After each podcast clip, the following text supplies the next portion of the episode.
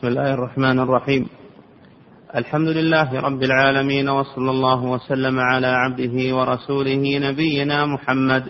وعلى اله واصحابه اجمعين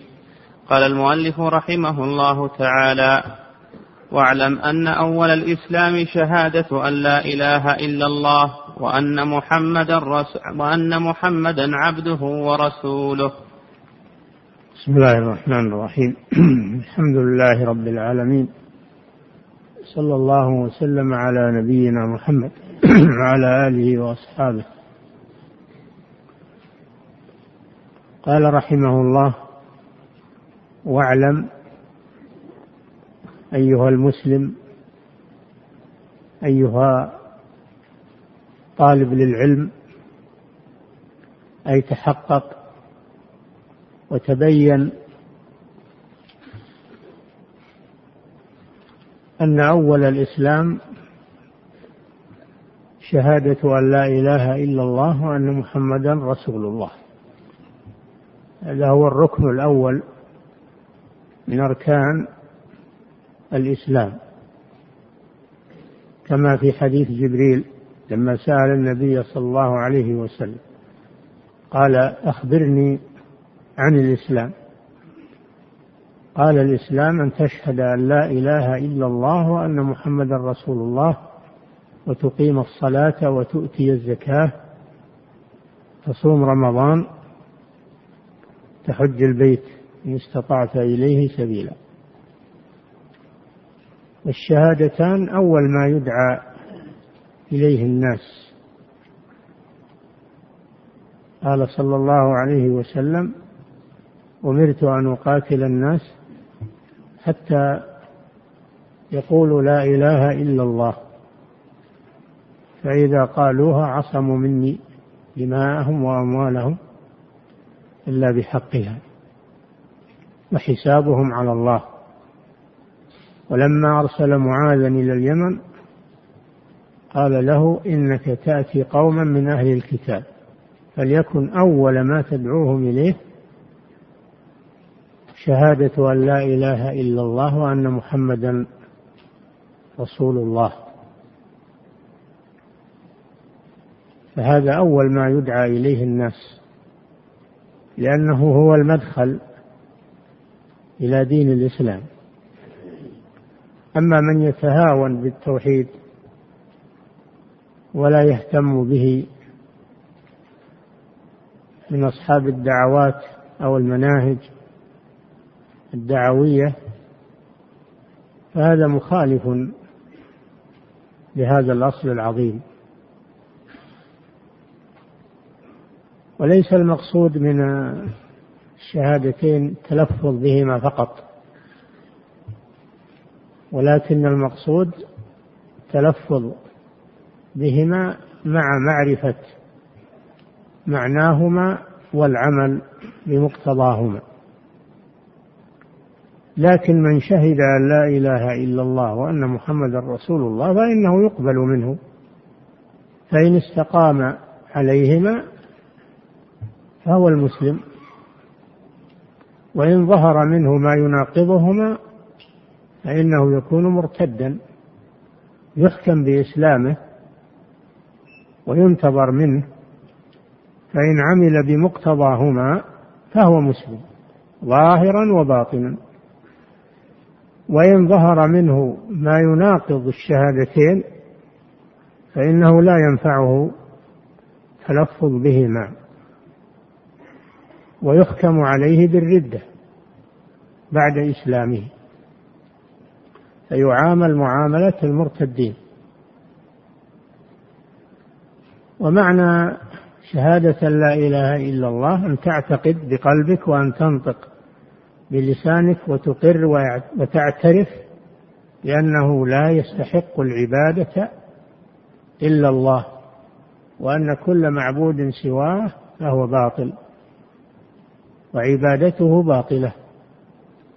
قال تعالى ذلك بأن الله هو الحق وأن ما يدعون من دونه هو الباطل وأن الله هو العلي الكبير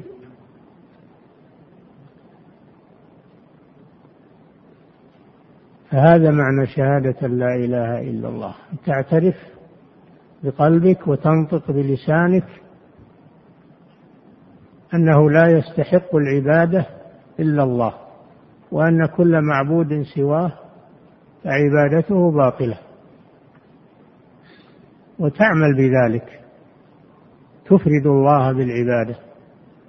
وتترك عبادة ما سواه وهذا هو العمل بمقتضى هذه الكلمة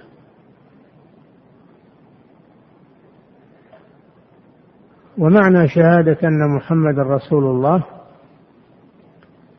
لخصها الإمام أو لخصه الإمام المجدد الشيخ محمد بن عبد الوهاب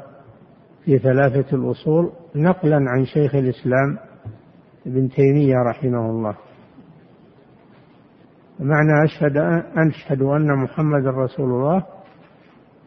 كذلك تعترف ظاهرا وباطنا لأنه رسول الله ظاهرا وباطنا أما من ينطق بلسانه وهو لا يعترف في باطنه فهذا منافق إذا جاءك المنافقون قالوا نشهد إنك لرسول الله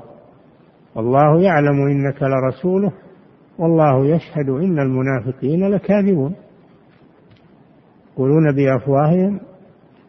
ما ليس في قلوبهم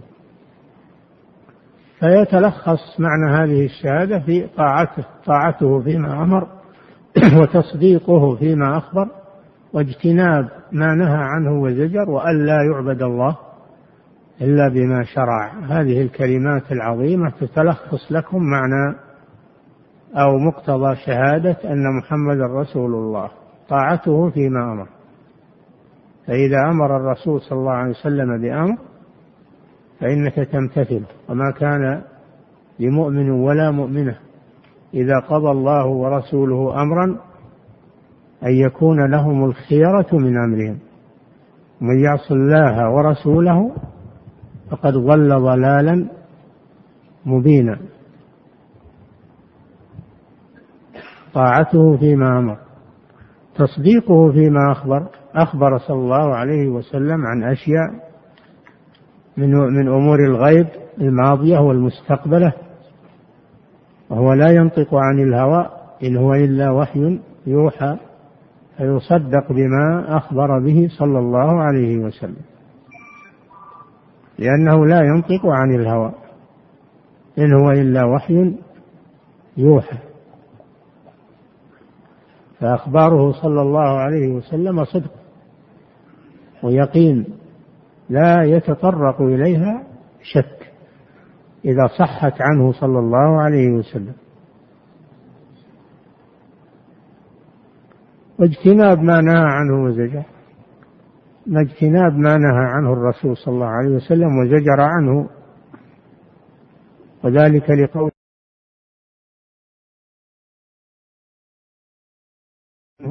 تنتهوا واتقوا الله إن الله شديد العقاب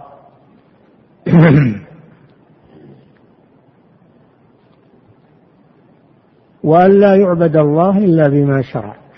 بما شرعه الرسول صلى الله عليه وسلم مبلغا عن الله جل وعلا هذا ينفي البدع المحدثات والخرافات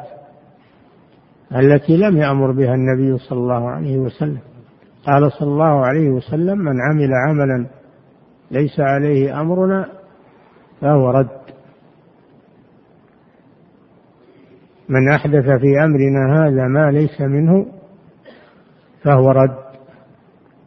وإياكم ومحدثات الأمور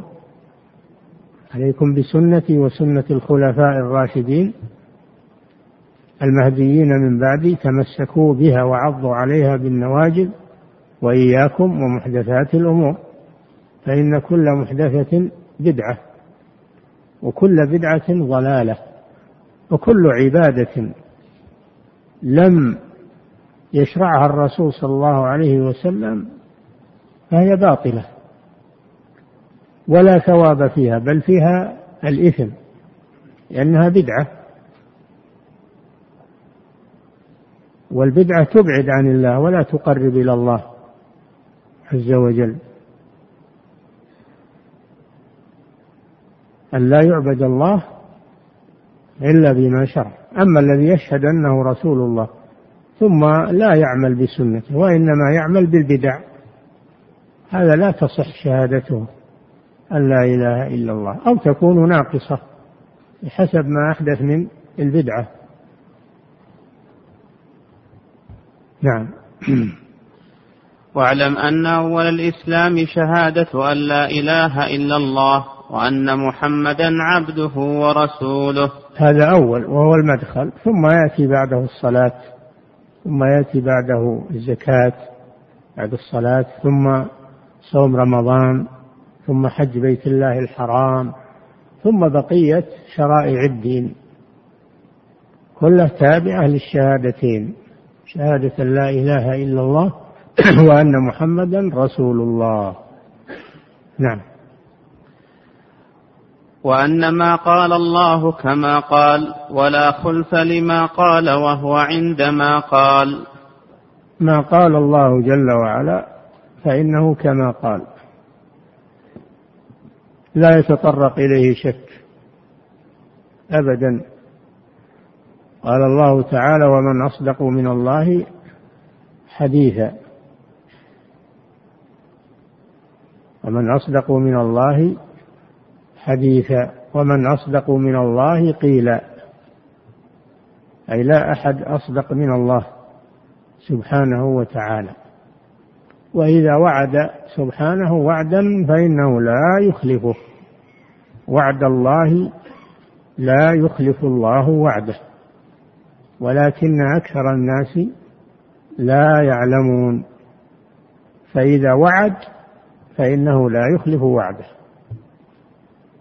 وإذا توعد فقد يعفو سبحانه وتعالى قد يعفو إذا تو... فرق بين الوعد والتوعد الوعد لا يتخلف أبدا وأما التوعد فالله جل وعلا قد يعفو ويسمح ولا يوقع الوعيد رحمة منه سبحانه وفضلا منه سبحانه وتعالى نعم وأنما قال الله كما قال ولا خلف لما قال وهو عندما قال لا وعد الله لا يخلف الله وعده ولكن أكثر الناس لا يعلمون فلا يتطرق شك في وعد الله سبحانه وتعالى نعم والايمان بالشرائع كلها يجب الايمان بالشرائع التي انزلها الله على رسله كلها اجمالا في الاجمال وتفصيلا في التفصيل قولوا آمنا بالله وما أنزل إلينا وما أنزل إلى إبراهيم وإسماعيل وإسحاق ويعقوب والأسباط وما أوتي موسى وعيسى وما أوتي النبيون من ربه لا نفرق بين أحد منهم ونحن له مسلمون قل آمنا بالله وما أنزل علينا وما أنزل على إبراهيم وإسماعيل وإسحاق ويعقوب والأسباط وما أوتي موسى وعيسى والنبيون من ربهم لا نفرق بين أحد منهم ونحن له مسلمون فنحن نؤمن بالشرائع الإلهية جميعها ونؤمن بأن الله جل وعلا يشرع لكل وقت ما يناسبه ثم ينسخ ذلك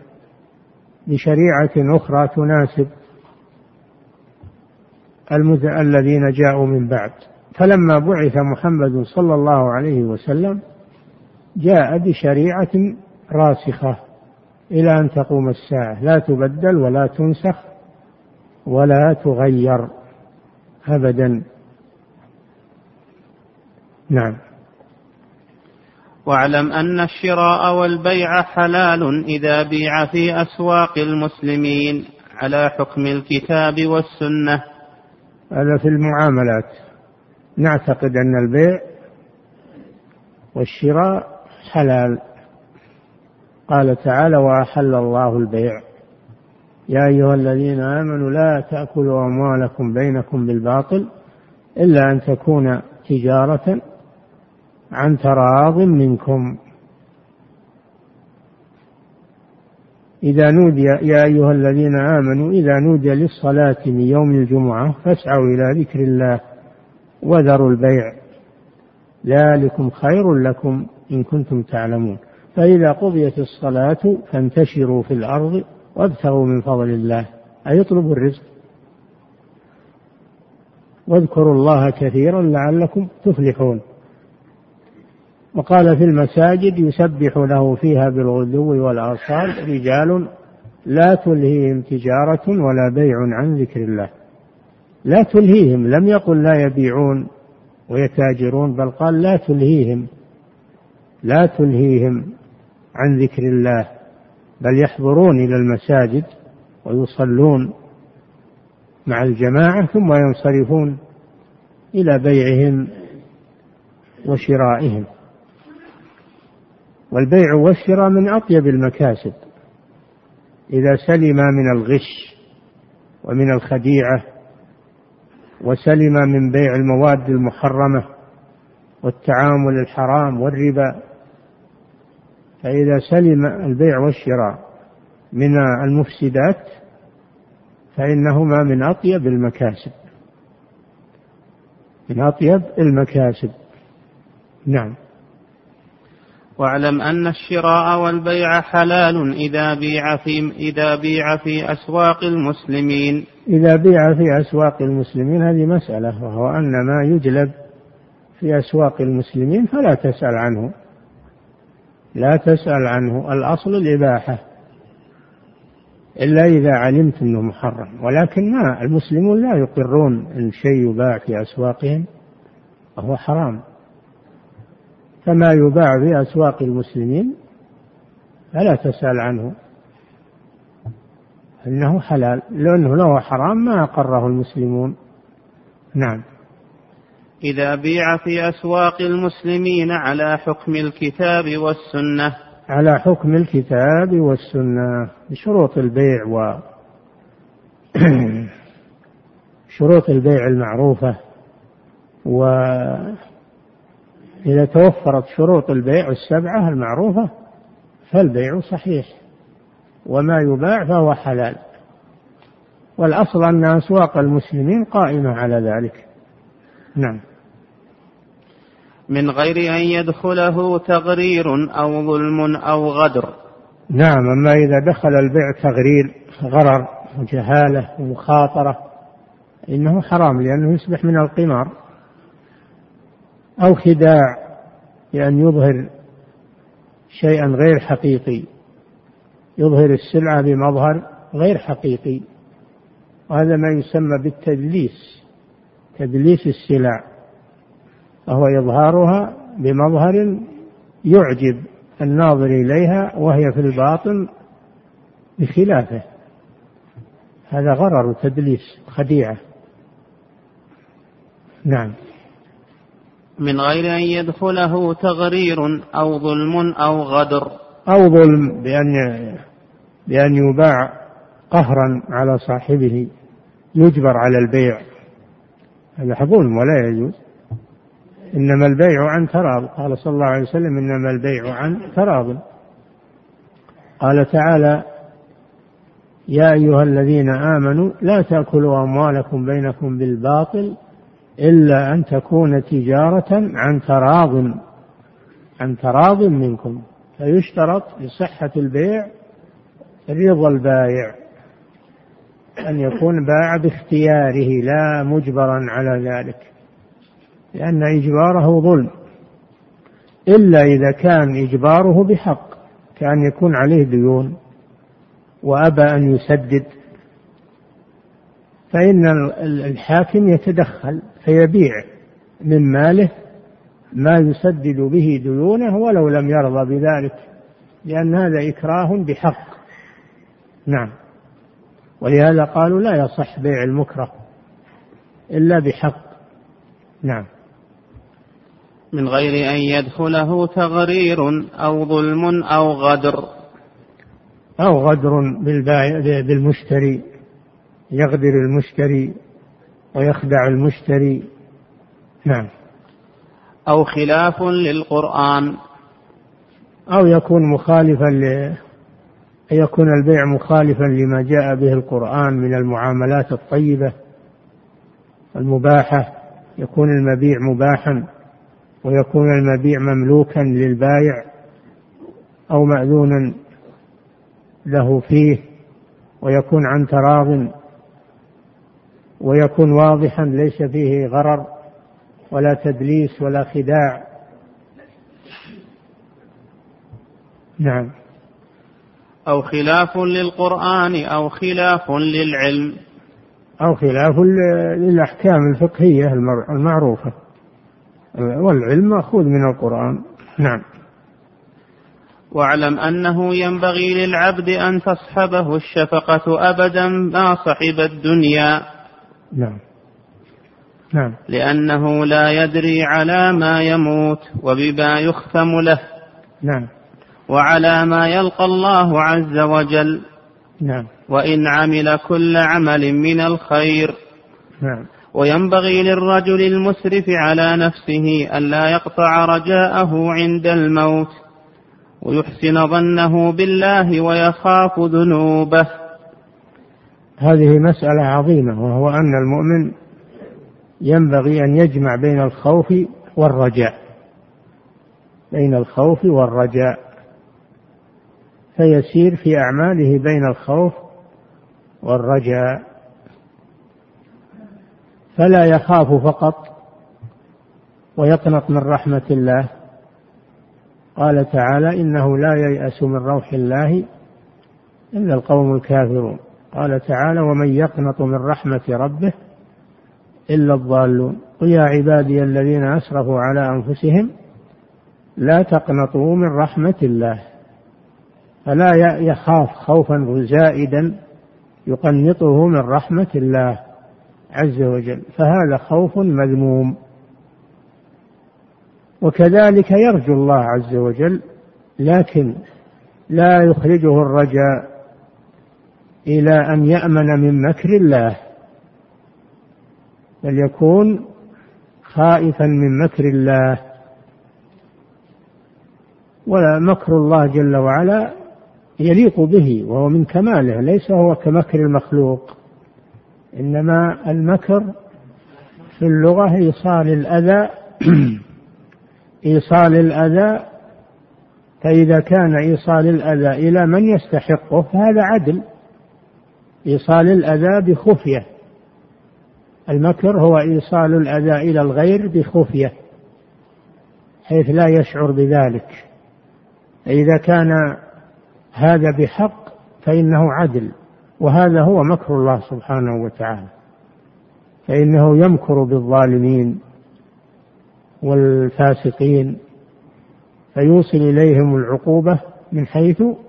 لا يشعرون وهذا عدل منه سبحانه يحمد عليه أما إذا كان إيصال الأذى إلى الغير بغير حق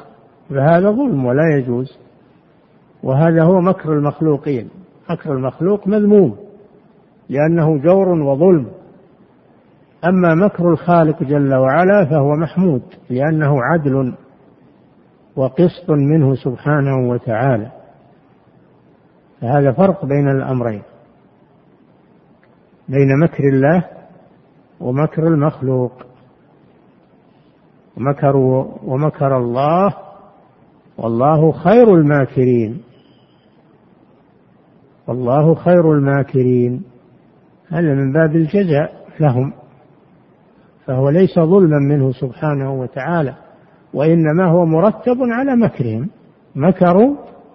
ومكر الله عقوبة عقوبة لهم هذا عدل منه سبحانه وتعالى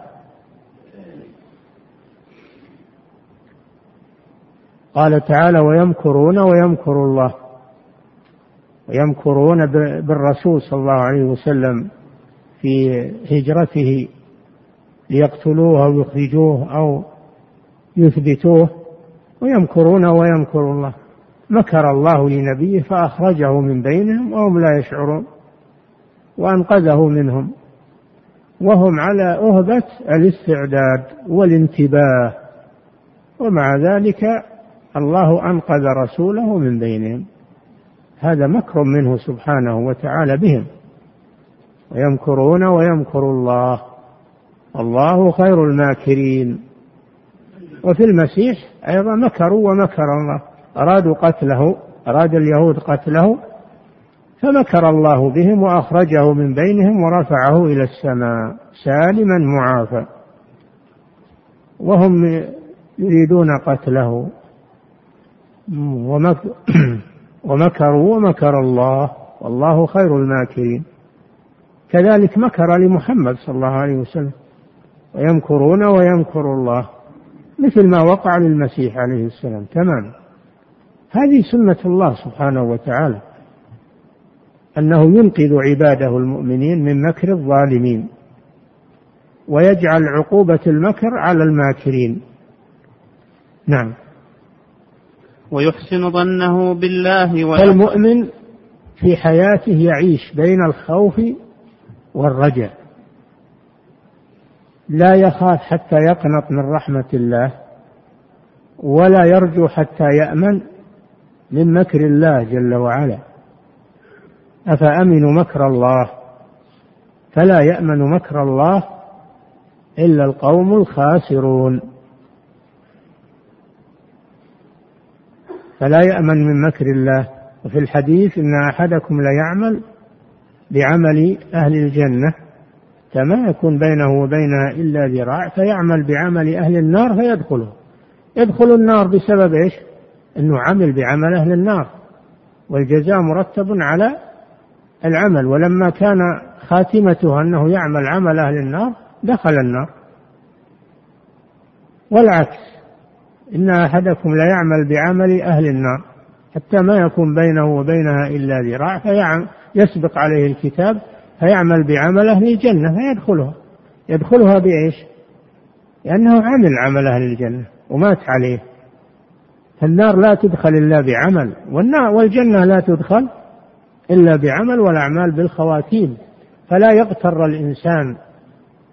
لا يغتر الإنسان بصلاحه واستقامته ويأمن من الزيغ كم زاغ من كم زاغ من مؤمن ومن ومن مسلم ومن عالم ومن الله جل وعلا أزاغهم لما حصل منهم ما حصل من المخالفات فلا يأمن الإنسان على نفسه يزكي نفسه ويقول أبدا ما علي ما علي ولا جاي أبدا أنا مؤمن وأنا عالم وأنا وأنا ثم يأمن من الزيغ ويخالط الأشرار ويستمع للأشرار وينظر في الفتن ويزعم أنه يعرف وأنه وأنه وأنه مؤمن ولا ينخدع لا يأمن لا يأمن على نفسه قلوب العباد بين أصبعين من أصابع الرحمن لا يأمن على نفسه والخليل عليه السلام يقول واجنبني وبني أن نعبد الأصنام رب إنهن أضللن كثيرا من الناس الإنسان لا يأمن على نفسه الفتنة وسوء الخاتمة ولو كان من أصلح الناس لا يضمن لنفسه حسن الخاتمه ولو كان من أصلح الناس لا يقنط من رحمة الله ولو كان من أكثر الناس فقد يمن الله عليه بالتوبة فيموت على الإسلام يدخل الجنة لأنه ما دام على قيد الحياة فإنه معرض لهذا وهذا الأعمال بالخواتيم نعم ويحسن ظنه بالله ويخاف ذنوبه يحسن ظنه بالله يعني ولا يقنط من رحمة الله ويخاف ذنوبه يعني ما يرجو رجاء ليس معه خوف هذا أمن من مكر الله فهو يجمع بين الخوف والرجاء إنهم كانوا يسارعون في الخيرات ويدعوننا رغبا ورهبا هؤلاء أنبياء وكانوا يسارعون في الخيرات ويدعون الله رغبا يعني طمعا في ثوابه ورهبا أي خوفا من عقابه فالأنبياء يجمعون بين الخوف والرجاء لا يأخذون جانبا ويتركون الجانب الآخر لا يأخذون جانب الرجاء ويتركون جانب الخوف ولا يأخذون جانب الخوف ويتركون جانب الرجاء ويحسن العبد ظنه بالله خصوصا عند الموت قال العلماء انه في حاله الصحه يغلب جانب الخوف احتياطا وعند الموت يغلب جانب الرجاء لانه في حال الحياه يقدر على العمل التوبه والاستغفار لكن عند الموت ما يقدر على شيء فيغلب جانب الرجاء ولهذا جاء في الحديث لا يموت أحدكم إلا وهو يحسن الظن بالله عز وجل نعم فإن رحمه الله فبفضله وإن عذبه فبذنبه هذا كما سبق أن الله جل وعلا لا يعذب لا لا ينعم الناس ولا يعذبهم إلا على أعمالهم إلا على أعمالهم ولا يظلم ربك احدا لا يعذب احدا بدون سبب ولا ينعمه بدون سبب الا من عند نفسه يعذبه على عمله ويكرمه على عمله جزاء له و وانعامه هذا فضل منه سبحانه واما تعذيبه فهو عدل منه سبحانه نعم والايمان بان الله تعالى اطلع نبيه صلى الله عليه وسلم على ما يكون في امته الى يوم القيامه النبي صلى الله عليه وسلم لا يعلم الغيب ولا احد من المخلوقين يعلم الغيب لا يعلم قل لا يعلم من في السماوات والارض الغيب الا الله والغيب ما غاب عنا في الماضي وفي المستقبل نحن لا نعلمه لكن الانبياء عليهم الصلاه والسلام يطلعهم الله على شيء من الغيب لاجل مصلحه الدعوه الى الله سبحانه وتعالى ومنهم نبينا محمد صلى الله عليه وسلم فقد اطلعه الله على شيء من المغيبات فأخبر بها صلى الله عليه وسلم لأجل مصلحة الأمة قال تعالى عالم الغيب فلا يظهر على غيبه أحدا إلا من ارتضى من رسول إلا من ارتضى من رسول أي فإن الله يطلعه على ما يشاء سبحانه وتعالى مثلا الرسول كان يمشي مع أصحابه فمروا بقبرين قبور مثل قبور الناس ما قال إنهما لا يعذبان الصحابة ما شعروا أن, أن هذين أن هذين القبرين يعذبان الله أطلع رسوله صلى الله عليه وسلم على على تعذيب الميتين قال إنهما لا يعذبان هذا مما أطلعه الله عليه وهذا من خصائص الرسل عليهم الصلاة والسلام واطلعه الله على ما ياتي في المستقبل واخبرنا صلى الله عليه وسلم عن اشراط الساعه اخبرنا عن الفتن من اجل ايش من اجل ان نحذر ونخاف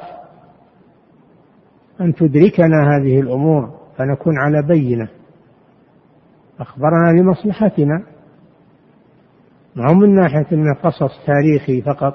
لا من ناحيه التحذير من ناحية التحذير لأجل أن نأخذ حذرنا ستفترق هذه الأمة على ثلاث وسبعين هذا خبر منه صلى الله عليه وسلم أنه سيحصل افتراق في الأمة وحصل كما أخبر صلى الله عليه وسلم من أجل أن نثبت على الحق ولا نذهب مع المخالفين ستفترق هذا يأتي قريبا هذا مما أطلعه الله عليه من أمور المستقبل ولهذا جاء بالسين ستفترق السين هذه للمستقبل نعم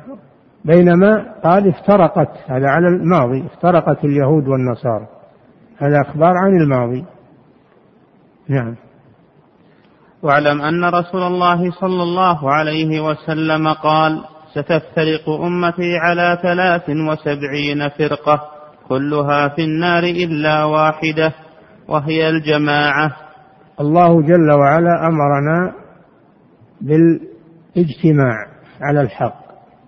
واعتصموا بحبل الله جميعا ولا تفرقوا ان الذين فرقوا دينهم وكانوا شيعا لست منهم في شيء انما امرهم الى الله ثم ينبئهم بما كانوا يفعلون ولا تكونوا كالذين تفرقوا واختلفوا من بعد ما جاء من بعد ما جاءهم البينات واولئك لهم عذاب عظيم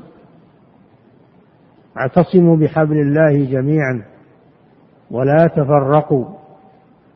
فنهانا عن التفرق وامرنا بالاجتماع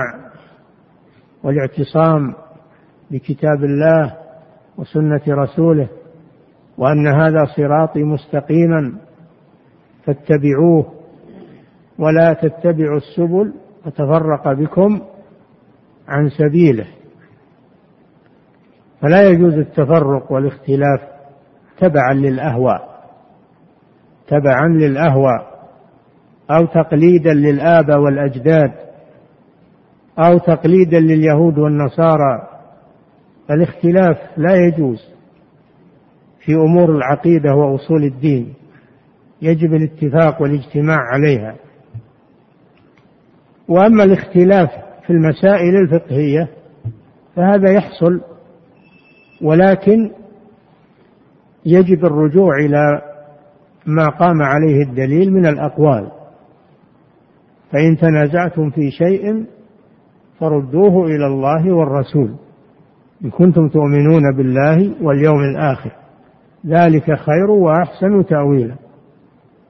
اذا فالاختلاف في العقيده لا يجوز لان العقيده توقيفيه ليست محل اجتهاد واما في مسائل الفقه والاستنباط فكل يجتهد ويستنبط من اهل العلم المؤهلين اهل العلم المؤهلين للاجتهاد وقد يختلفون في وجهات نظرهم ولكن لا يبقون على الاختلاف بل يرجعون إلى كتاب الله وسنة رسوله فمن كان معه الدليل تبعوه وأخذوا به وتركوا رأيهم هذا مذهب أهل السنة والجماعة وهذا الذي أرشدنا الله إليه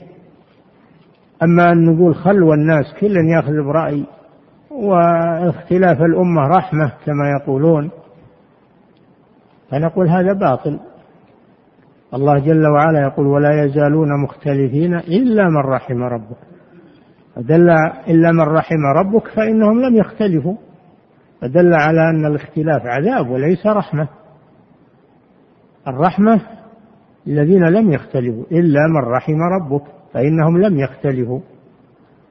وإن اختلفوا رجعوا إلى الكتاب والسنة فأخذوا بالصحيح وتركوا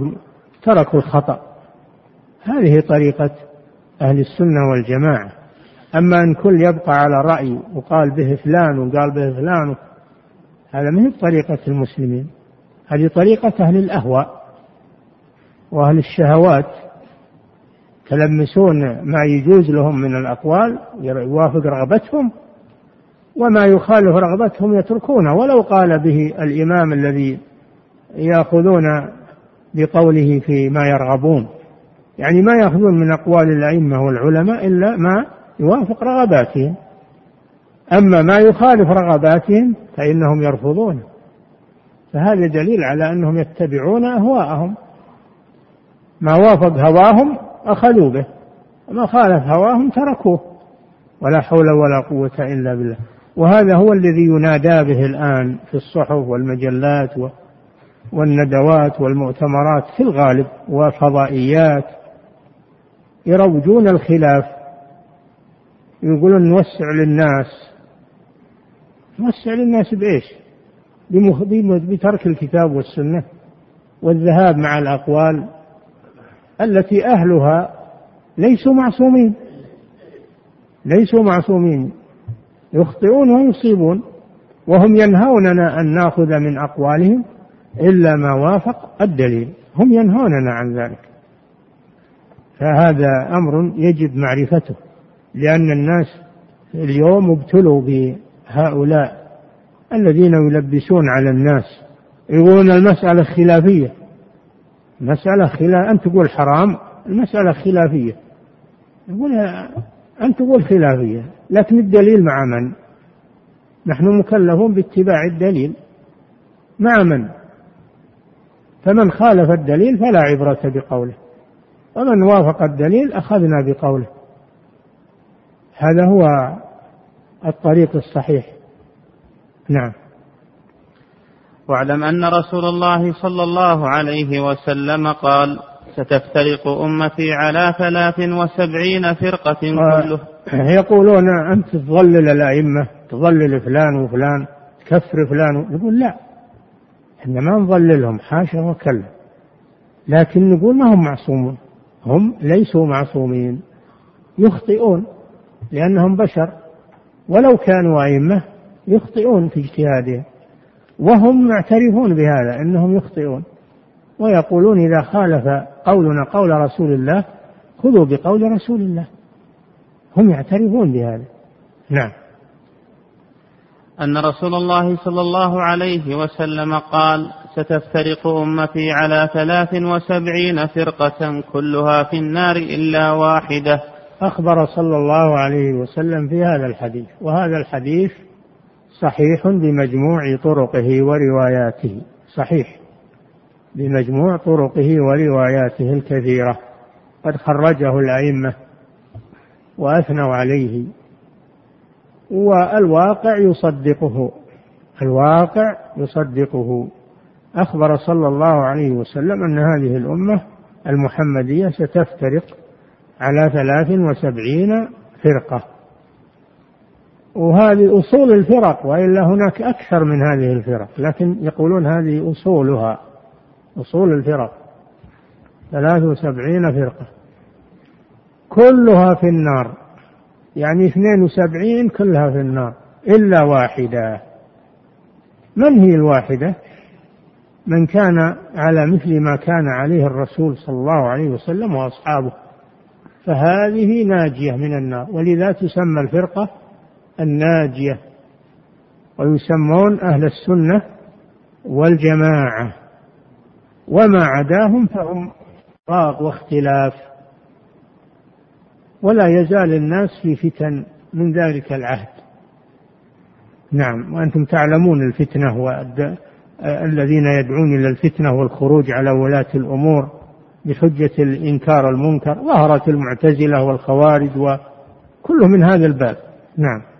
ولا تزال إلى الآن نعم فلما قتل عثمان رضي الله عنه جاء الاختلاف والبدع اي نعم ظهرت البدع ايضا كان المبتدعه في الاول مختفون في القرون المفضله فلما انقضت القرون المفضله ظهرت البدع المخالفه للسنه نعم فلما قتل عثمان رضي الله عنه جاء الاختلاف والبدع وصار الناس فرقا نعم فهذا قصة مقتل عثمان رضي الله عنه قصة هذا الخبيث تعطينا أنه يجب الحذر من دعاة الضلال ولا يتساهل في أمرهم وأنه لا يجوز الكلام في ولاة الأمور ولهذا أوصى صلى الله عليه وسلم بالسمع والطاعة وعدم الخروج على ولاة الأمور وإن جاروا وإن ظلموا وإن فسقوا ما لم يصلوا إلى حد الكفر الصريح هكذا أوصانا رسول الله صلى الله عليه وسلم وهذا من الفتن التي أخبر عنها صلى الله عليه وسلم نعم وصار الناس فرقا فمن الناس من ثبت على الحق عند أول التغيير وقال به وعمل به ودعا إليه لما حصلت الفرقة والاختلاف ثبت الله أهل الحق على الحق والسنة وصاروا على ما كان عليه الرسول صلى الله عليه وسلم وأصحابه والفرق الأخرى خالفت ما كان عليه الرسول صلى الله عليه وسلم وأصحابه فاستحقوا استحقوا الوعيد بالنار بحسب ما حصل منهم نعم وكان الأمر مستقيما حتى كانت الطبقة الرابعة في خلافة بني فلان انقلب الزمان وتغير الناس جدا وفشت البدع نعم زاد, زاد الخلاف وزادت الفتن بعد انقضاء القرون المفضلة حتى جاء عهد العباسيين وظهر فيهم المأمون العباسي وظهر فيهم المعتصم والمتوكل واخذوا بقول الجهميه وارادوا ان يجبروا اهل السنه عليه وهو القول بخلق القران وقتلوا بعض الائمه وضربوا البعض الاخر وعذبوهم وسجنوه ولكن الحق ثابت ولله الحمد الحق ثابت لا يتزحزح نعم وفشت البدع وكثر الدعاة إلى غير سبيل الحق والجماعة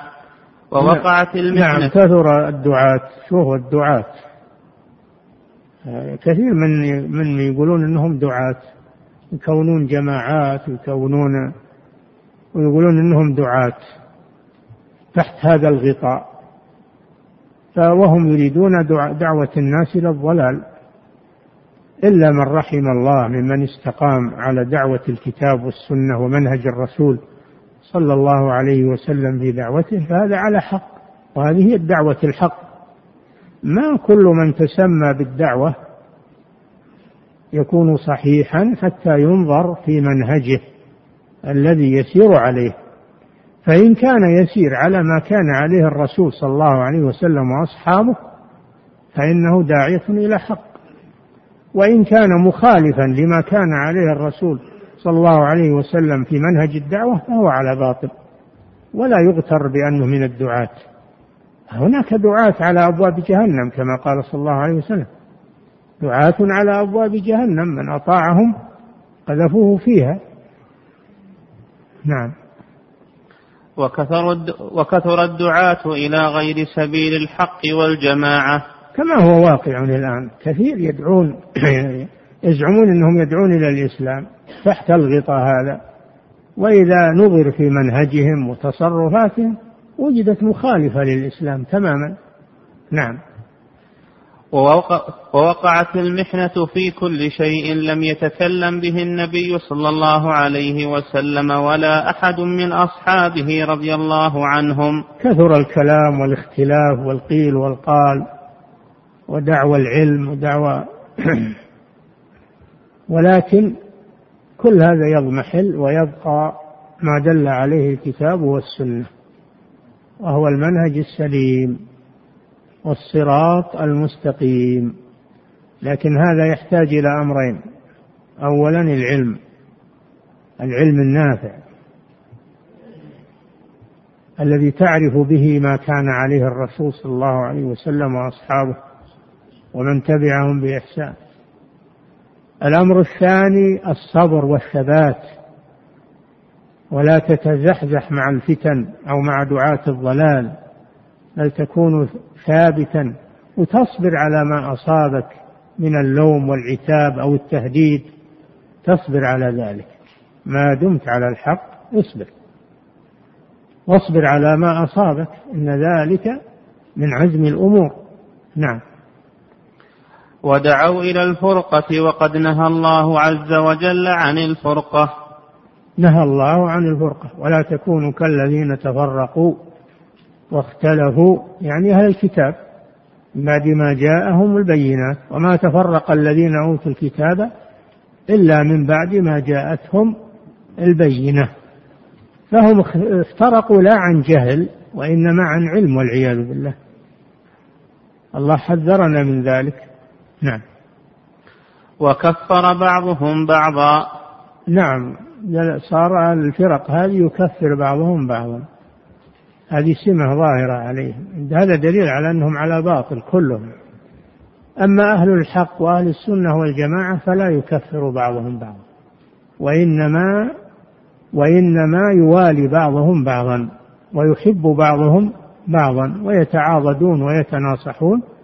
وكذلك لا يكفرون الفرق الأخرى إلا ما دل الكتاب والسنة على كفره وإلا فهم معتدلون في مسألة التكفير لا يكفرون إلا ما قام الدليل على كفره ولا يستعجلون في هذا الأمر كل من خالفهم كفروه لا ما يكفرون إلا من قام الدليل من الكتاب والسنة على أنه كاذب أما أنه يخالفني ويخالف منهجي فأنا لا أكفره بذلك نعم وكل دعا إلى رأيه وإلى تكفير من خالفه هذه سمة أهل الضلال أن كل حزب بما لديهم فرحون وتقطعوا أمرهم بينهم زبرا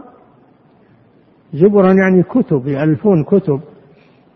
وما وهذا واقع يألفون كتب لنصرة مذهبهم وحزبهم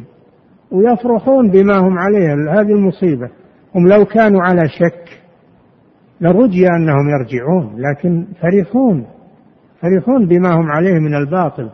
وهذه عقوبة من الله لهم فرحوا بما عندهم كل حزب بما لديهم فرحون هم لو كانوا ما هم فرحين وعندهم شك هل هم على حق أو ما هم يكون أرجى لرجوعهم لكن إذا كانوا فرحين بما هم عليه هذه مصيبة والعياذ بالله لأن الفرح لا يرجع نعم وكل دعا إلى رأيه وإلى تكفير من خالفه نعم. فضل الجهال والرعاع ومن لا علم له نعم ضللوا آه، آه، الجهال والرعاع من الناس ومن لا علم له ضللوهم أما أهل الحق وأهل العلم فإنهم لا يتأثرون بهذه الفرق وهذه الضلالات لأنهم يعرفون أنها باطل نعم وأطمع الناس في شيء من أمر الدنيا وخوفوهم عقاب الدنيا كذلك من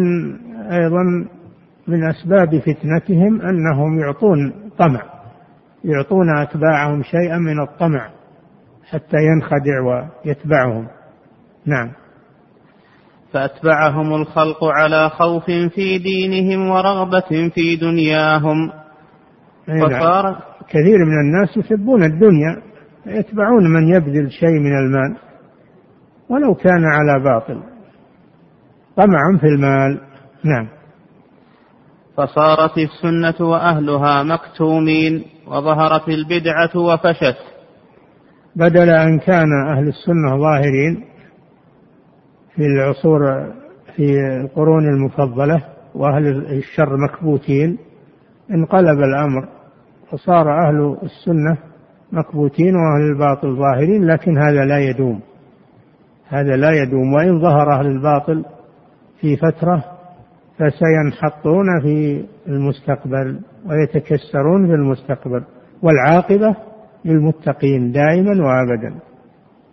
دائما وأبدا والإمام ابن القيم يقول والحق منصور وممتحن فلا تعجب فهذه سنة الرحمن الحق يجري عليه شيء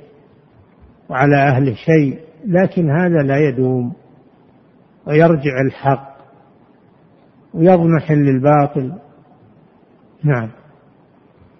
وظهرت البدعة وفشت وكفروا من حيث لا يعلمون من وجوه شتى نعم ووضعوا القياس و... نعم وضعوا القياس قياس يعني في العقيدة العقيدة ما فيها قياس توقيفية توقيفية ما يعمل إلا بما دل عليه الدليل ولا يقاس في العقائد القياس إنما هو في الفقه الأدلة أولا الكتاب وثانيا السنة وثالثا الإجماع ورابعا القياس الصحيح القياس الصحيح في مسائل الفقه نعم أحسن الله إليكم صاحب الفضيلة هذه أسئلة كثيرة أعرض على فضيلتكم ما تيسر منها هذا السائل يقول ما حكم من يفسر معنى لا إله إلا الله بأنها إخراج اليقين الفاسد وإدخال اليقين الصحيح في ذات الله عز وجل وأنه الخالق الرازق هذا توحيد الربوبية هذا أقر به المشركون أن الله هو الخالق الرازق المحيي المميت ولا يكفي هذا في تفسير لا إله إلا الله ما هو معنى لا إله إلا الله لا خالق ولا رازق إلا الله لكن معناها لا معبود بحق إلا الله هذا هو معناها الصحيح نعم يفسرون بما شاءوا لكن ما فيه تفسير صحيح إلا هذا لا معبود بحق إلا الله جل وعلا نعم أحسن الله إليكم صاحب الفضيلة وهذا السائل يقول هل هذا التبرع صحيح إلهنا هل في, هل في الوجود إله سواك فيدعى وهل هذا يشبه قول الحلولية والاتحادية حيث يقولون لا إله موجود إلا الله لا أدري هذا لا أعرف له أصل الدعاء أنا لا أعرف له أصل والأصل أن الإنسان ما يدعو إلا بشيء ثابت عن الرسول صلى الله عليه وسلم أو موافق أو موافق لما جاء في الكتاب والسنة أما هل في الوجود إله سواك فيدعى لا لا أعرف له أصل نعم أحسن الله إليكم صاحب الفضيلة وهذا سائل يقول ما معنى قول بعض أهل السنة كشيخ الإسلام ابن تيمية وغيره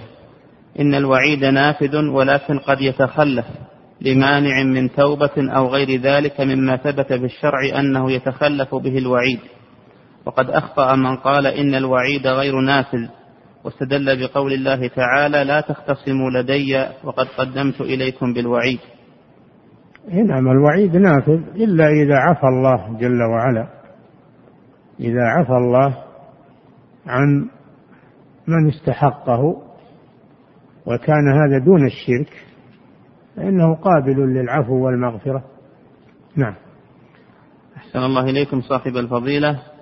في قول المؤلف رحمه الله في, في حل البيع والشراء إذا بيع في أسواق المسلمين فإذا بيع يا صاحب الفضيلة في أسواق غير المسلمين أيختلف الحكم؟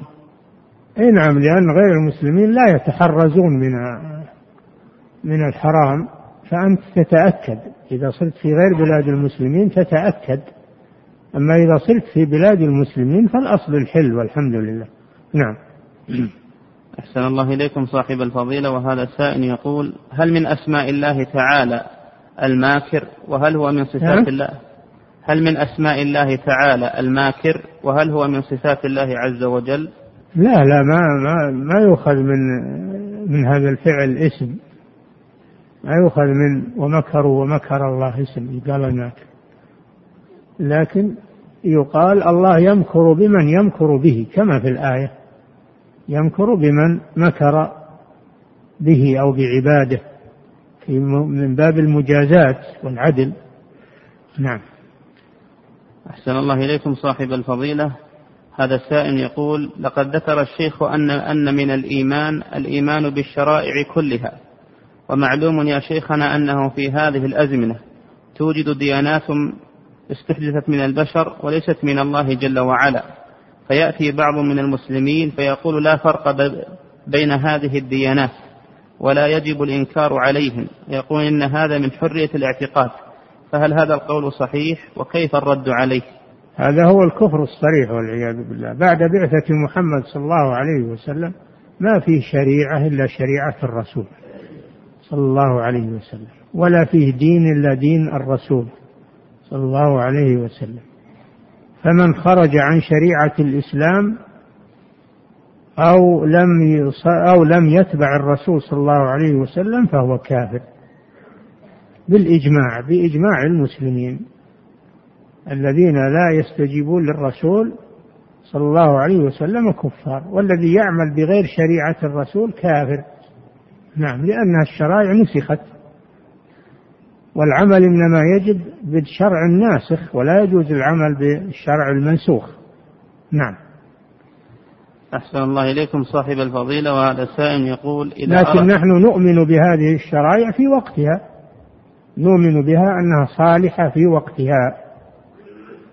أما بعد مجيء الإسلام انتهت هذه الشرائع